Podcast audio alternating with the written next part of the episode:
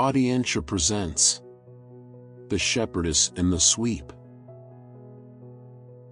Have you ever seen a very old chest, black with age, and covered with outlandish carved ornaments and curling leaves? Well, in a certain parlor there was just such a chest, handed down from some great grandmother. Carved all up and down it ran tulips and roses, odd looking flourishes, and from fanciful thickets little stags stuck out their antlered heads. Right in the middle of the chest a whole man was carved. He would make you laugh to look at him grinning away, though one couldn't call his grinning laughing. He had hind legs like a goat's, a little horn on his forehead, and a long beard. All his children called him General Headquarters Hindquarters gives orders front and rear Sergeant Billy Goat Legs. It was a difficult name to pronounce and not many people get to be called by it. But he must have been very important or why should anyone have taken trouble to carve him at all? However, there he stood, forever eyeing a delightful little china shepherdess on the table top under the mirror. The little shepherdess wore golden shoes, and looped up her gown fetchingly with a red rose. Her hat was gold, and even her crook was gold. She was simply charming.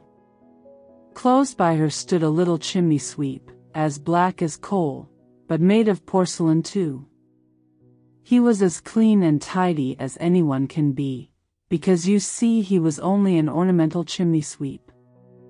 If the china makers had wanted to, they could just as easily have turned him out as a prince, for he had a jaunty way of holding his ladder, and his cheeks were as pink as a girl's.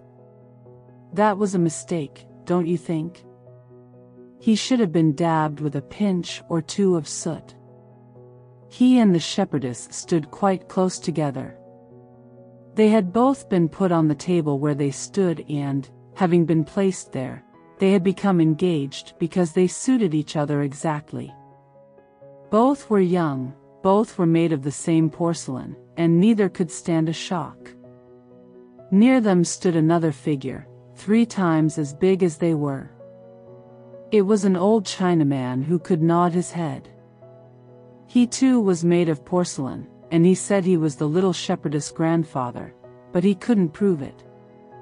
Nevertheless, he claimed that this gave him authority over her, and when General Headquarters Hindquarters gives orders front and rear Sergeant Billy Goat Legs asked for her hand in marriage, the old Chinaman nodded consent. There's a husband for you. The old Chinaman told the shepherdess. A husband who, I am inclined to believe, is made of mahogany. He can make you Mrs. General Headquarters Hindquarters gives orders front and rear Sergeant Billy Goat Legs. He has the whole chest full of silver, and who knows what else he's got hidden away in his secret drawers. But I don't want to go and live in the dark chest, said the little shepherdess. I have heard people say he's got eleven China wives in there already.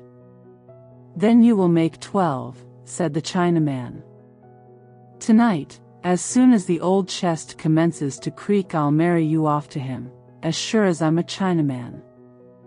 Then he nodded off to sleep. The little shepherdess cried and looked at her true love, the porcelain chimney sweep.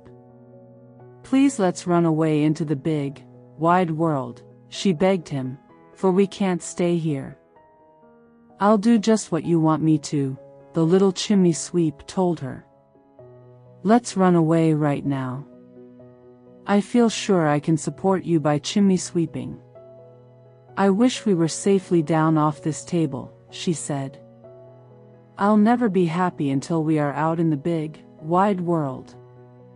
He told her not to worry, and showed her how to drop her little feet over the table edge, and how to step from one gilded leaf to another down the carved leg of the table. He set up his ladder to help her, and down they came safely to the floor. But when they glanced at the old chest they saw a great commotion. All the carved stags were craning their necks, tossing their antlers, and turning their heads. General Headquarters Hindquarters gives orders Front and Rear Sergeant Billy Goat Legs jumped high in the air and shouted to the old Chinaman, They're running away. They're running away. This frightened them so that they jumped quickly into a drawer of the window seat. Here they found three or four decks of cards, not quite complete, and a little puppet theater, which was set up as well as it was possible to do. A play was in progress, and all the diamond queens, heart queens, club queens, and spade queens sat in front row and fanned themselves with the tulips they held in their hands. Behind them the knaves lined up, showing that they had heads both at the top and at the bottom, as face cards do have. The play was all about two people, who were not allowed to marry, and it made the shepherdess cry because it was so like her own story. I can't bear to see any more, she said. I must get out of this drawer at once. But when they got back to the floor and looked up at the table, they saw the old Chinaman was wide awake now. Not only his head, but his whole body rocked forward. The lower part of his body was one solid piece, you see. The old Chinaman's coming. Cried the little shepherdess, who was so upset that she fell down on her porcelain knees. I have an idea, said the chimney sweeper. We'll hide in the potpourri vase in the corner. There we can rest upon rose petals and lavender, and when he finds us we can throw salt in his eyes. It's no use, she said. Besides, I know the potpourri vase was once the old Chinaman's sweetheart, and where there used to be love a little affection is sure to remain. No, there's nothing for us to do but to run away into the big wide world. Are you really so brave that you'd go into the wide world with me? asked the chimney sweep. Have you thought about how big it is, and that we can never come back here? I have, she said. The chimney sweep looked her straight in the face and said, My way lies up through the chimney. Are you really so brave that you'll come with me into the stove, and crawl through the stovepipe? It will take us to the chimney. Once we get there, I'll know what to do. We shall climb so high that they'll never catch us, and at the very top there's an opening into the big wide world. He led her to the stove door. It looks very black in there, she said. But she let him lead her through the stove and through the stovepipe, where it was pitch black night. Now we've come to the chimney, he said. And see. See how the bright star shines over our heads. A real star, high up in the heavens, shone down as if it wished to show them the way. They clambered and scuffled, for it was hard climbing and terribly steep, way, way up high.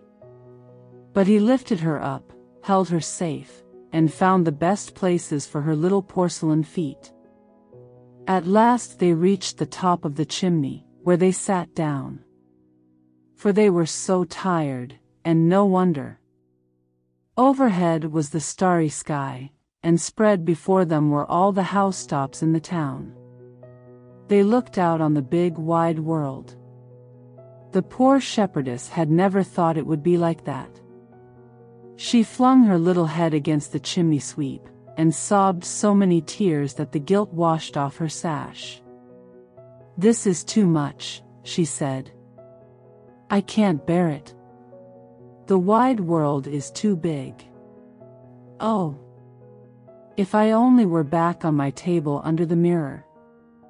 I'll never be happy until I stand there again, just as before. I followed you faithfully out into the world, and if you love me the least bit you'll take me right home.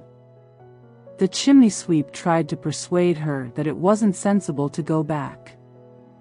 He talked to her about the old Chinaman, and of General Headquarters Hindquarters gives orders front and rear Sergeant Billy Goat Legs, but she sobbed so hard and kissed her chimney sweep so much that he had to do as she said, though he thought it was the wrong thing to do.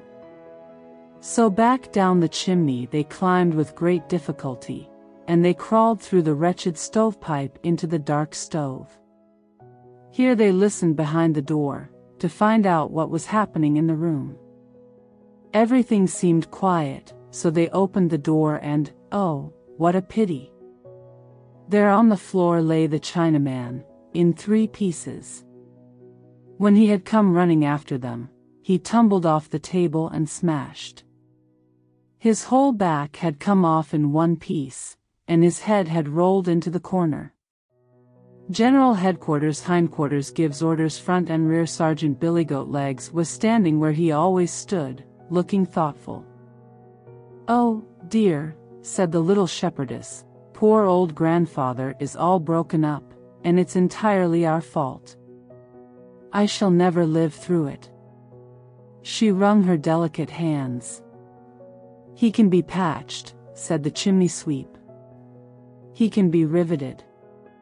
Don't be so upset about him. A little glue for his back and a strong rivet in his neck, and he will be just as good as new, and just as disagreeable as he was before.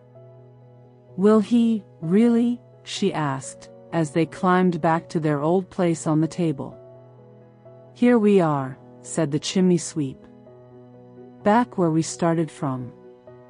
We could have saved ourselves a lot of trouble.